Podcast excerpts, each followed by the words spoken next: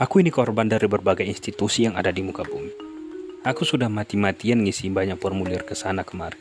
Ngantri begitu panjangnya. Cuma bisa buat bawa pulang sertifikat pengakuan. Mulai dari status pertemanan, pekerjaan, sampai ke lembaga percintaan. Katanya mau apa pun kondisinya semua orang punya kesempatan yang sama. Tapi kenapa? Sampai sekarang peluangnya nggak pernah ada. Jadi teruntuk orang-orang yang pernah bilang, hidup mah jangan diambil pusing, yourself, nobody way they say santuy, semua akan indah pada waktunya. Anjing. Hidup gua nggak semudah quote-quote murah yang ada di sosial media, bangsat. thank you